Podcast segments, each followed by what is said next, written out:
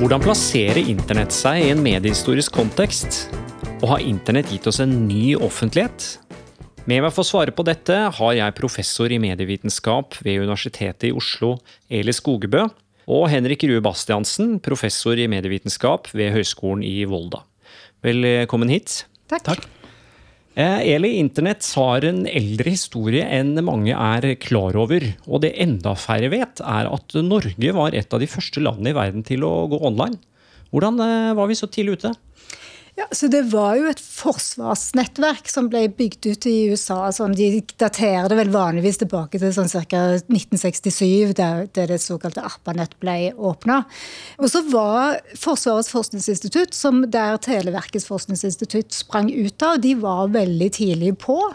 Sånn at eh, Norge var faktisk det landet utenfor USA som ble tidligst kobla på internett. Hvor lenge før neste land, det skal ikke jeg si i dag, men eh, det var i alle fall det første utenfor USA som ble kobla på i 1973.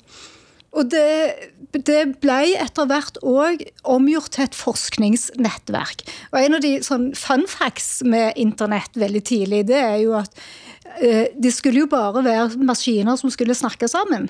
Men så fant jo disse forskerne som satt der, at de trengte jo å kommunisere. Så de, plutselig hadde de funnet opp e-post. Fordi at de måtte skrive små meldinger til hverandre. Så e-posten kom som en sånn spin-off av av dette nettverket. Og akkurat den konkrete grunnen til at Norge var så tidlig Men vi var jo si, vi er jo et Nato-land. Vi var tett integrert. Og, hadde, og på den tida så var jo sikkerhetspolitikken veldig viktig. Så det tror jeg er en av grunnene. Pluss at Televerket var òg veldig tidlig ute med ny teknologi. Men var jo også koblet til forskningsnett når vi ble kobla på da? Ja. Det, utover på 70- og 80-tallet så ble jo den forskningsdelen av internett veldig viktig. og Fra slutten av 80-tallet fikk f.eks. Universitetet i Oslo internett, internett og e-post for de fleste. Det var ikke så veldig mye du kunne gjøre, men du kunne i alle fall sende e-post. Sånn at min e-postadresse på UiO for eksempel, den har jeg hatt siden jeg var stipendiat. Veldig lenge. Eh, Henrik, vi hører eh, både om internett og ARPANET her. Hva var egentlig forskjellen mellom de to? ARPANET ble jo opprettet innenfor det som heter ARPA, Advanced Research Project Agency, som ble opprettet av president Eisenhower i 1958 som et svar på Sovjets oppskyting av Sputnik 1-satellitten i 1957. Og så ble det ARPAs oppgave å forske på avansert, avansert teknologi og nye løsninger i en sånn øst-vest-kaldkrigskonflikt. Og etter hvert utover på 60-tallet så begynte de da å komme opp med at ja, kanskje vi skal få datamaskiner til å kommunisere sammen, hvordan gjør man det, osv. Og, og så kom de opp med dette ARPANET, som sto ferdig utviklet i 1969. Første forsøk på kommunikasjon da, det gikk så vidt, noen sekunder. Og så ble det demonstrert offentlig i 1972. Det som de ikke løste med ARPANET, det var hvordan skal vi kommunisere mellom alle andre nett. Fordi det var bygget opp masse datanett rundt omkring. Universiteter, bedrifter, forskningsinstitusjoner, forsikringsselskaper, banker. Alle mulige hadde jo datamaskiner, men de kommuniserte jo ikke sammen. Så, så, var det jo da at de begynte å tenke vi må et skritt videre fra ARPANET. Vi må få disse nettene til å kommunisere sammen. Uavhengig av hvilke standarder og systemer de har. Og det var tanken bak internett. Så det var også ARPA som sto bak eh, den ideen? Det var de samme forskningsmiljøene de som, det var mange som jobbet med ARPANET, mens de to, det er særlig to som er knyttet til utviklingen av internett som vi kjenner det, og det er Robert Kahn og Windsurf, to amerikanske forskere. De jobbet med det teoretiske grunnlaget for internett i 1973, og 74 var det hadde de laget det teoretiske grunnlaget for det. Og så jobbet de videre med dette, og så demonstrerte de man internett for første gang i 1977, og da var altså Norge med, som, som du sier. Og da gikk eh, informasjonen, da, eller bits, eh, fra California til Norge, til Kjeller.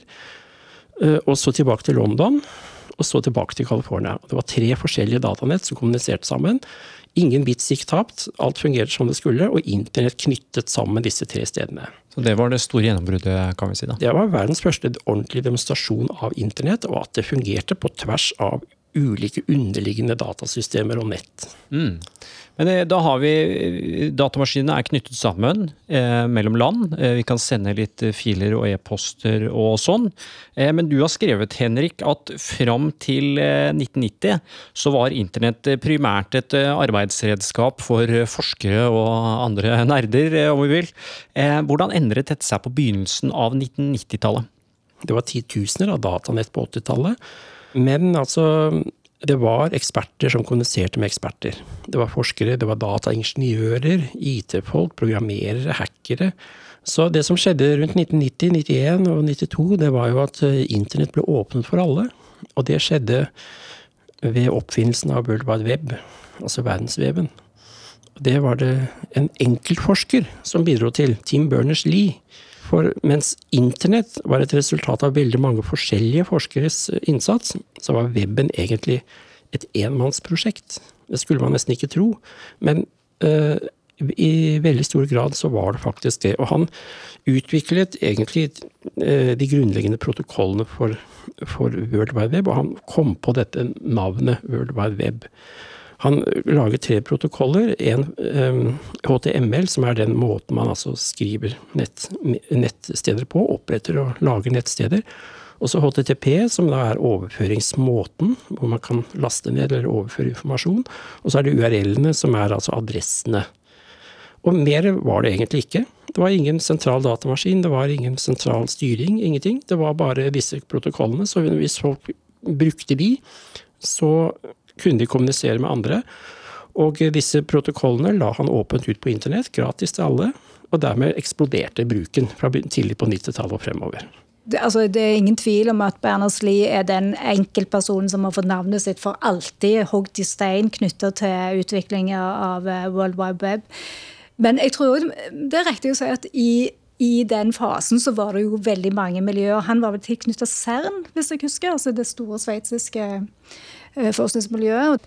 Men det var jo òg begynt å bli veldig tydelig at det var, det var mye kommersielle interesser som ønska å åpne nettet. Og jeg husker jeg var i USA på begynnelsen av 1990-tallet, akkurat eh, etter at internett var blitt offisielt åpna for kommersielle interesser. Og dette var jo et akademisk nett da. Altså det var Forsvaret og så var det akademi, og ingen andre hadde lov å gå på internett inntil sånn 92-93. Da møtte jeg en av de en, en forsker som jobber fra et av disse tidligere ATNT-selskapene som sa at vi skal aldri noensinne noen gang utvikle noe sånt som, eh, som internett igjen, der de kommersielle interessene ikke har tilgang. For det hadde altså vært på sånn De hadde stått klar til å gå inn i flere år og ikke fått lov. Så, så jeg tenker at den, de drivkreftene det kommersielle som kom for alvor da, er jo veldig veldig interessant å se på. Eller ikke bare se på, men å ha med når vi skriver den historien. Mm, Henrik? Jeg kan bare legge til der at eh, det var jo president eh, George Bush senior som undertegnet loven om, som åpnet internett, internett for kommersiell drift. Det var 23.11.1992. Så fra da så startet den bonanzaen hvor alle mulige kommersielle interesser kunne bruke internett, og da World Wide Web, som lå over internett, til sine egne interesser. Men er det da, kan vi uh, si at uh, før World Wide Web så har du da uh, altså det man kaller peer-to-peer-nettverk, at du har en datamaskin snakker med en annen datamaskin. Men er noe, måten å forstå World Wide Web på at man da får liksom, selve eteren, altså det vi kaller skya? Ja, altså cyberspace kan man jo kalle det også. Altså et abstrakt rom hvor nettsteder er lenket sammen. Og Tim Berners-Lee var jo opptatt av at Eh, han tenkte som, akkurat som hjernecellenes betydning er, er, ligger i det at måten de er knyttet sammen på. En celle er knyttet sammen med så og så mange andre hjerneceller, og det overførte han til weben. Sånn at han var ikke opptatt av at, uh, at innholdet i et dokument var definert av det som sto der, men av hvilke andre dokumenter det var relatert til, var knyttet til. Så da tenkte han at én nettside var definert av hvilke andre nettsider det var knyttet til. Og dermed så kunne man legge til og legge til og legge til, og så ble det et slags en, en, et abstrakt rom hvor dokumenter var knyttet sammen med lenker. Ikke sant? Og, og så kunne man da begynne å operere og manøvrere og navigere i dette rommet.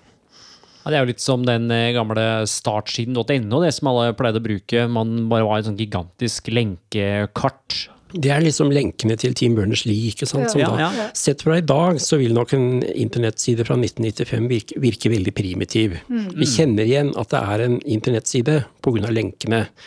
Men ellers så er det funksjonaliteten i den er veldig enkel. Eh, Det er ikke så mye man kan klikke på, det tar tid når man klikker på det. Og eh, grafikk og alt mulig er mye enklere. Det var ikke så mye du kunne gjøre, liksom. Det var mest lesing. Ja, du husker på at linjekapasiteten, eller den overføringskapasiteten, var jo en brøkdel av det vi snakker om nå. Sånn at det var lite eller ingen levende bilder, og det var veldig mye tekst. Eh, Jeg syns det er litt morsomt at en av de største Jeg husker ikke akkurat når det starta, men en, på slutten av 90-tallet så hadde du jo sånne store bedrifter som Sol.no. Som vel hadde Gisle Hannemyr, som er på informatikk her, som en av sine gründere. Som var sånn, som du sier, store lenker. Det var jo en stor, ny forretningsidé. Men det, det hadde rett og slett med funksjonaliteten på søk og kapasiteten på overføring var mye mindre, så de gjorde den tjenesten ja. for deg. Så var det jo dyrt også. Du betalte jo for alt innholdet. Ja, det, det er egentlig interessant å snakke om dette nå, i 2020. Fordi, fordi nå kan vi se tilbake og se, ha litt perspektiver på det som skjedde da, som man ikke hadde da. Ikke sant? Vi kan si at ja, dette var- er en internettside, men den er egentlig veldig primitiv. Underforstått, vi vet hvordan det gikk etter at vi fikk bredbånd, og fikk masse stø mye større overføringskapasitet, ikke sant. Ja, det- leder meg til et eh, spørsmål her. fordi Det var jo mye optimisme på 90-tallet. Eh, mange investerte i aksjer knyttet til eh, internett. Og så fikk man da i 2000 en såkalte dotcom-bobla. Eh, En gigantisk aksjekrakk i, i alt det internettrelaterte eh, aksjer. Og det var i den sammenhengen at eh, økonomen Paul Krugman spådde at eh, internett ikke kom til å ha større innflytelse på økonomien enn faksmaskinen. Et kjent sitat. Det er jo festlig og hårreisende sett i ettertid, som du sier. Men eh, altså der og da, ja, det var vel i 1998 han sa det, var det så sikkert da at internett kom til å bli det vi vet at det har blitt, den revolusjonerende nye mediet? Ja, altså det er mange morsomme spådommer som har kommet særlig på om teknologi opp gjennom tiden. Og vi, de, de blir trukket frem, de som er helt, helt feil. ikke sant? Det er veldig morsomt i ettertid. Og det er liksom de bransjens fremste folk som har spådd de utroligste ting. Eh, I 1998 så var det sånn internett var i full vekst. ikke sant? Alt pekte oppover, og særlig i Amerika, hvor denne bransjen da var, var en cowboybransje med full bonanza. Og det nye bedrifter satte jo .com etter firmanavnet, eller som en del av firmanavnet. Og da, det, da signaliserte de at de var moderne, at de var up to date. At de var, de var en del av fremtidens økonomi som var kommet her og nå. Ikke sant? Og derfor hadde investorer og aksjonærer alle hadde tro på disse selskapene. Hvis Disse kommer til å vokse inn i himmelen, dette er det nye gullet. ikke sant? Og sånn varte det frem til 2000. Da kom krakket, og så begynte man å skjønne at ja, selv om det er nyopprettede internettselskaper som er i en vekstbransje, så betyr jo ikke det at de er frikoblet fra økonomiens vanlige lover for forretningsdrift. Så, så da kom det en ny nøkternhet. Også disse, disse firmaene må tjene penger, de må ha større inntekter enn utgifter, ikke sant? osv. osv. Eller, Men jeg tenker også, altså, en av de tingene man hadde rundt 2000, det var jo at du hadde ganske store driftskostnader på selve nett. Som vi sa, altså Det var jo dyrt å kjøpe kapasitet. Altså Det som vi en gang kalte fortellerskritt. altså Det å betale, det koster masse penger. Og det er jo den store tingen som du ser rundt den tiden, er at det er det selskapene tjener penger på, det er jo å selge kapasitet. Man har ikke begynt å selge så mye tjenester på nettet, sånn som man gjør i dag. Altså I dag er det jo mye mer sånn det man kan kalle for verdiøkende tjenester. Men, så de var veldig tidlige, og de solgte en del av de selskapene antagelig det berømte skinnet før bjørnen var skutt, rett og slett. For det, det, som, var, det som var big business, det var, det var kapasitet. Det var nett. Men nettsidene hadde ikke funnet noen gode måter å tjene penger på riktig ennå. Nei, nettsider er vanskelig. Det tok jo fryktelig lang tid før avisene òg begynte å tjene penger. Jeg husker jo når Nettavisen ble etablert, eller den de kom, så sa de ja, avisene ville ikke overleve mer enn fem år til. Det var òg en sånn stjerneuttalelse. Den som kom sånn ca. 6-97. Altså nå er vi 2020, det er 25 år siden. Og Sånn er det jo veldig ofte på nye markeder. altså at Det går ikke jevnt. Det du kan gjøre, er ikke det samme som du selger i et marked. Altså Det er jo enormt masse fantastisk kommunikasjonsteknologi som har blitt lansert og dødd. Mm. Fordi at det, ikke var, det var enten for tidlig eller for seint, eller passer ikke inn. Og Det er jo òg en del av internetthistorien. Det er interessant, det der, fordi man kunne jo skrevet egne bøker om alle de floppene som har vært i medieutviklingen. ikke sant? Alle, tror på, på, et tidspunkt at dette blir stort, og så blir det ikke det i det hele tatt. ikke sant? Og så kommer noe annet som øh, og så videre. Masse sånne ting som er glemt. Øh, lansert og glemt. Google Glass, ikke sant. Briller, Google-briller. Folk vil ikke ha det. Og, og, så vi sitter Vi har på en måte en mediehistorie som er skrevet om det som overlevde. Mm. Mm. Det er det vi husker. Det som har levd videre frem til nå.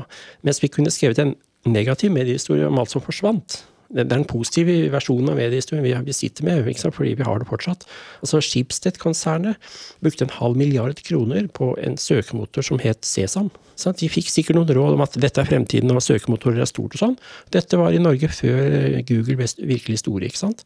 De tapte en halv milliard. De var jo profesjon, et profesjonelt mediekonsern. Man skulle tro at de visste bedre. Nei, de pengene var borte. ikke sant? 500 millioner. Sesam ble bare en sånn flopp. Mm. Så selv ikke de store, tunge, profesjonelle medieselskapene klarer alltid å orientere seg i dette landskapet. Og det er veldig interessant, og jeg føler ofte at vi savner historier om alle de tingene som ikke lyktes. Mm. Eh, eh Henrik, du har jo forsket mye på norsk papirpresse bl.a. Hvordan var norsk papirpressas møte med internett? Ja, papiravisene møtte jo først og fremst internett eh, ved at de begynte å skrive om dem. Ehm, og så var det da 95 da, at møtet mellom avisene artet seg med opprettelsen av nettaviser. Brønnøysunds avis var Norges første nettavis. 6. mars 1995. To dager etter kom Dagbladet. VG kom i oktober, og Aftenposten kom også i 95 osv. Og, så og så begynte avisen altså å bygge opp nettutgaver av stoffet sitt. Det er veldig interessant, fordi altså, avisbedrifter som var 150 år eh, omkring det, begynte da altså å gi bort betalt, resultatet av betalt journalistikk gratis til leserne på nettet. Papiravisen den skulle ha betaling for, enten i løssalg eller i abonnement, mens du kunne få mye av det samme stoffet gratis på nett. Og I ettertid så ser man jo at de gjorde en gigantisk feilvurdering når de gjorde det. Det er akkurat som det står to aviskiosker på, på fortauet. I den ene kan du gå og kjøpe avisen og betale for den, i den andre kan du få akkurat de samme avisene gratis uten å betale noe som helst. Det var det altså det avisene gjorde. Så i, det har vært en hodepine i mange, mange år etterpå hvordan de skulle utvikle forretningsmodeller for nettutgaven. Og grunnen til det, tror jeg, det er at eh, de forsto ikke hva nettmedie, nettavisen, var. De trodde at det var papiravisen på nett. At det var en nettutgave av papiravisen. Vi lager en nettutgave som reklamerer for papiravisen vår. Mm. De skjønte ikke det som man har begynt å skjønne 10-15 år etterpå, nemlig at nettavisen faktisk er et helt annet medium enn papiravisen. Har andre egenskaper og fungerer på helt andre måter enn papiravisen. Ja, leser vi nettavis annerledes enn vi leser papiravis? Altså? Ja, det tror jeg man gjør. Men man ser også at uh, en nettavis er, har an, helt andre egenskaper. F.eks. det at den oppdateres hele tiden. Det har ikke noe deadline. Det kan rulle og gå døgnet rundt. En forside på en nettavis inneholder enormt masse stoff, mens en forside på en papiravis har jo bare noen få prioriterte saker. Og Dessuten, papiravisen er jo nyhetene fra i går, mens nettavisen er nyhetene fra i dag. Så det er, mange, mange, mange forskjeller. Mm. Og jeg tror at altså, avisbransjen kollektivt sett undervurderte forskjellene mellom papiravisen og nettavisen, som de da har brent seg på i mange mange år etterpå, mens de nå fra 2015 har innførte betalingsmodeller som gjør at de har, prøver å ta seg inn igjen. Men i mange år så plaget det den norske avisbransjen ganske kraftig. Ja, altså jeg er ikke sikker på om de undervurderte eller rett og slett ikke turde å la være. Fordi at alle skulle jo på nett da. Og så tror jeg at man eh, undervurderte tapet av annonsekroner. Og spesielt til, de, til, Google og Facebook og sånn som kom etter hvert. da. Men altså at man undervurderte det. Altså Jeg tror jeg er litt uenig med deg i at det, det tok 10-15 år før man så at man mangla en forretningsmodell. For det var det veldig mange som så veldig tidlig. Altså at dette, og hvordan, Hvorfor gir vi vekk et produkt og, og, sånne ting. Men det ble jo etablert, og det tror jeg vi skal i ærlighetens navn så det ble jo etablert en egen nettavis. Den lever jo ennå. Så det ble etablert en reell konkurranse. Og så visste man at man mangla en god forretningsmodell. Men man trodde man skulle greie å få den før. Og, og så kom hele denne globaliserte, ting, globaliserte medieøkonomien inn. Og dotcom-bobler og mm. Google og Facebook og sånn som, som har dratt veldig mye av det under. Men nå, i dag, så selges det jo faktisk digitale abonnementer mer enn noensinne i Norge. Ikke så veldig mange andre steder. Jeg tenker det, det er jo flere internettdebattanter og bloggere nå som har liksom flere følgere enn mange tradisjonelle aviser har lesere. Har vi fått en ny type medieoffentlighet? Ja, det har vi jo. Altså, den, er, den er mye mer mangfoldig noen, eh, eller fragmentert litt. Eh, det er klart at det er mange, mange flere stemmer der som, som kan lyttes til. Men den er jo òg mer oppdelt i, eh, i segmenter.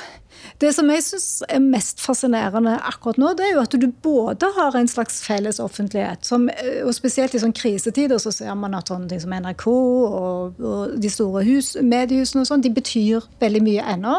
Men samtidig så har du jo en sånn som du sier, du har influensere som eh, kan snakke om alt fra jeg håper sære interesser til store samfunnsspørsmål. Eh, som òg betyr veldig mye. Og så må man jo ikke glemme det da, at de store, viktige aktørene, beslutningstakere, de har jo òg blitt veldig, veldig, veldig, veldig gode på å bruke nye medier. Det er jo ikke sånn at uh, Arbeiderpartiet ikke har peiling på å bruke, bruke ny teknologi. Uh, eller Høyre, for den saks skyld. Altså, de, de, de gamle organisasjonene, tunge aktørene, de som, de som bestemmer på og sånn, de har jo òg tatt dette i bruk i stor stil. Og er mm. veldig gode på det. Og velgerne har tatt det i bruk. Mm, mm. Ja, jeg vil si Du spurte om hvordan har vi fått en ny offentlighet med, med, disse nye mediene. Ja, det har vi fått. Jeg er helt enig i det. Men jeg tenker likevel at hvis man tar et litt lengre blikk på det, så tenker jeg at hver gang vi får nye medier, så, får, så utvides offentligheten. Hvis man går 200 år tilbake, så var det aviser og tidsskrifter. Kanskje teaterscenen. ikke sant? Og det var det som var det offentlige. Kanskje noen ritualer av og til på offentlige steder og sånn. Men også etter hvert så kom det jo stadig nye medier. da, ikke sant? Film og radio og TV og nett og osv. Og, så og de gamle mediene av disse formene her vi snakker om nå, har jo ikke forsvunnet. Men det er lagt til stadig nye, slik at det er blitt mediebildet, det samlede mediebildet er blitt større og større og større. Og dermed er offentligheten vokst. Den er ekspandert. Så nå er den på en måte i alle kanaler og i alle medieformer vi kjenner. Fra boken og frem til det nyeste digitale. Alt dette er nå en del av offentligheten. Sånn at Jeg vil ikke si at vi har fått en ny offentlighet, men at den vokser og utvider seg for hver gang vi får nye medier. Og, og den har aldri vært større og bredere og mer mangfoldig i ulike kanaler og former enn det den er nå. Mm. Altså Denne serien handler jo nettopp om det hvordan med nye medier så er det stadig flere og flere stemmer som kobles på offentligheten, og at offentligheten sånn sett vokser. Eh, og det er jo en eh, veldig sånn positiv historie, sånn som vi forteller den, at eh, arbeiderklassen kommer til, og kommer til mediene, så får de stemmerett, ikke sant. Men er det mulig å tenke seg at offentligheten kan bli for stor? Og at nå er terskelen for å uttale seg og skrive nesten hva man vil, at den er blitt så lav at vi kanskje i fremtiden, og det, snakkes mye om nå at eh, Facebook og sånn må, må, begynne å sensurere ting og sånn, at vi fremover kanskje må ta et steg tilbake, at dette var én utvidelse hakket for langt? Altså, det, det, er jo to-tre bekymringer som folk snakker om. og Den kanskje mest alvorlige, som vi kanskje tar minst alvorlig, det er jo overvåkningen og det, det hemmeligholdet som, som, skjer med våre data. Og kanskje en veldig interessant ting er at i et, det samfunnet som vi er i nå, som har en så veldig stor utvidet offentlighet, så er det nesten umulig å tenke seg at du kan holde ting hemmelig. Det er ikke helt umulig, for det ser ut som det finnes både drapsgåter og andre ting der det er vanskelig å få tak i det, men det er i alle fall veldig vanskelig å ha og tenke seg en helt sånn privat ting.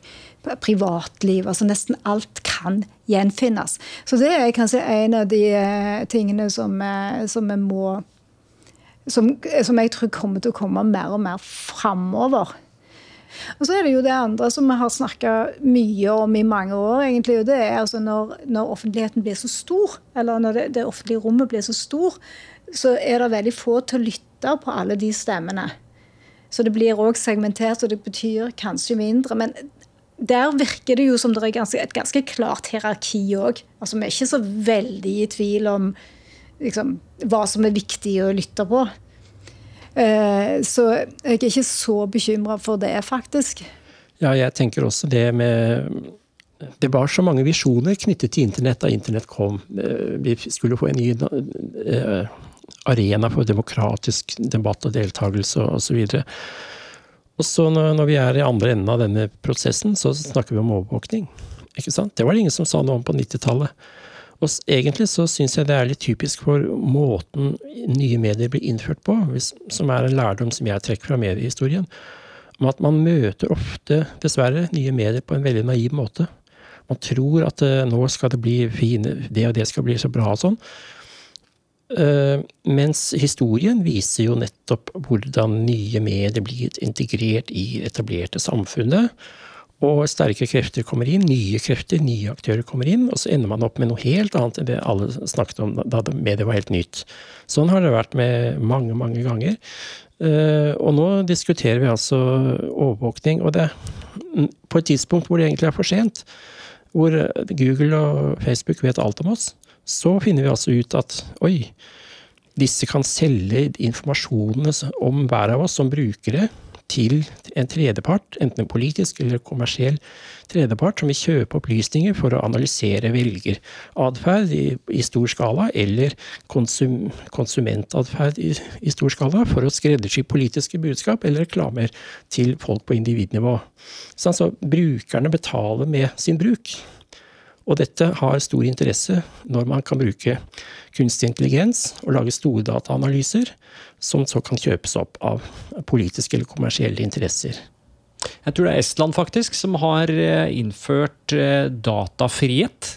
Eh, I, om det ikke er i grunnloven sin, i hvert fall i lovverket, som en slags frihet som staten skal hegne om. Akkurat som økonomisk frihet, ytringsfrihet. Tror du det kanskje blir løsningen framover? Ja, det har jo òg vært diskutert lenge, det, at man skal kunne slette seg sjøl. Det fins jo, eller fantes i alle fall en tjeneste i Norge som heter slettmeg.no. Eh, som rett og slett handler om at du skal få lov å slippe å finne igjen, og at du skal få lov å, å kunne bli borte fra arkivene. Det er jo veldig omdiskutert bl.a. av historikere. Det er jo ikke så veldig gøy hvis folk sletter historien om seg sjøl i stort monn, og det ikke blir noe igjen å forske på. For, så, men det, det, jeg tror at det blir et, et, en større diskusjon eh, framover enn det har vært til nå. Det er jeg nokså overbevist om. Ja, nå er det jo sånn, ja, Når folk dør, hva skjer med Facebook-profilen? Eller andre profiler og steder som man har liksom oppdatert eller vært aktive på? Det er jo et spørsmål som etter hvert melder seg. Og selv om, også, selv om folk sletter ting som de ikke vil ha liggende ute, så er det jo slik i hvert fall i Norge da, at Nasjonalbiblioteket laster jo ned internett flere ganger hver dag og lagrer altså hele det norske internettdomenet systematisk. Sånn at i Mo i Rana ligger jo dette til evig tid. Der kan man gå tilbake senere og få opp igjen ting som, som, som personene selv kan ha slettet.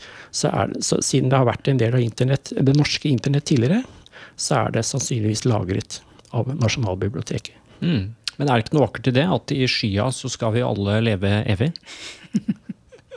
vi, vi, avslutter på den. Henrik Bastiansen, Eli Skogebø, tusen takk skal dere ha. Tusen takk. Tusen takk. Du lyttet til serien Medienes stemmer og maktens sensur, produsert av Norgeshistorie ved Universitetet i Oslo. Mitt navn er Anders Brenna, og ansvarlig for denne serien er Ellen Katrine Lund.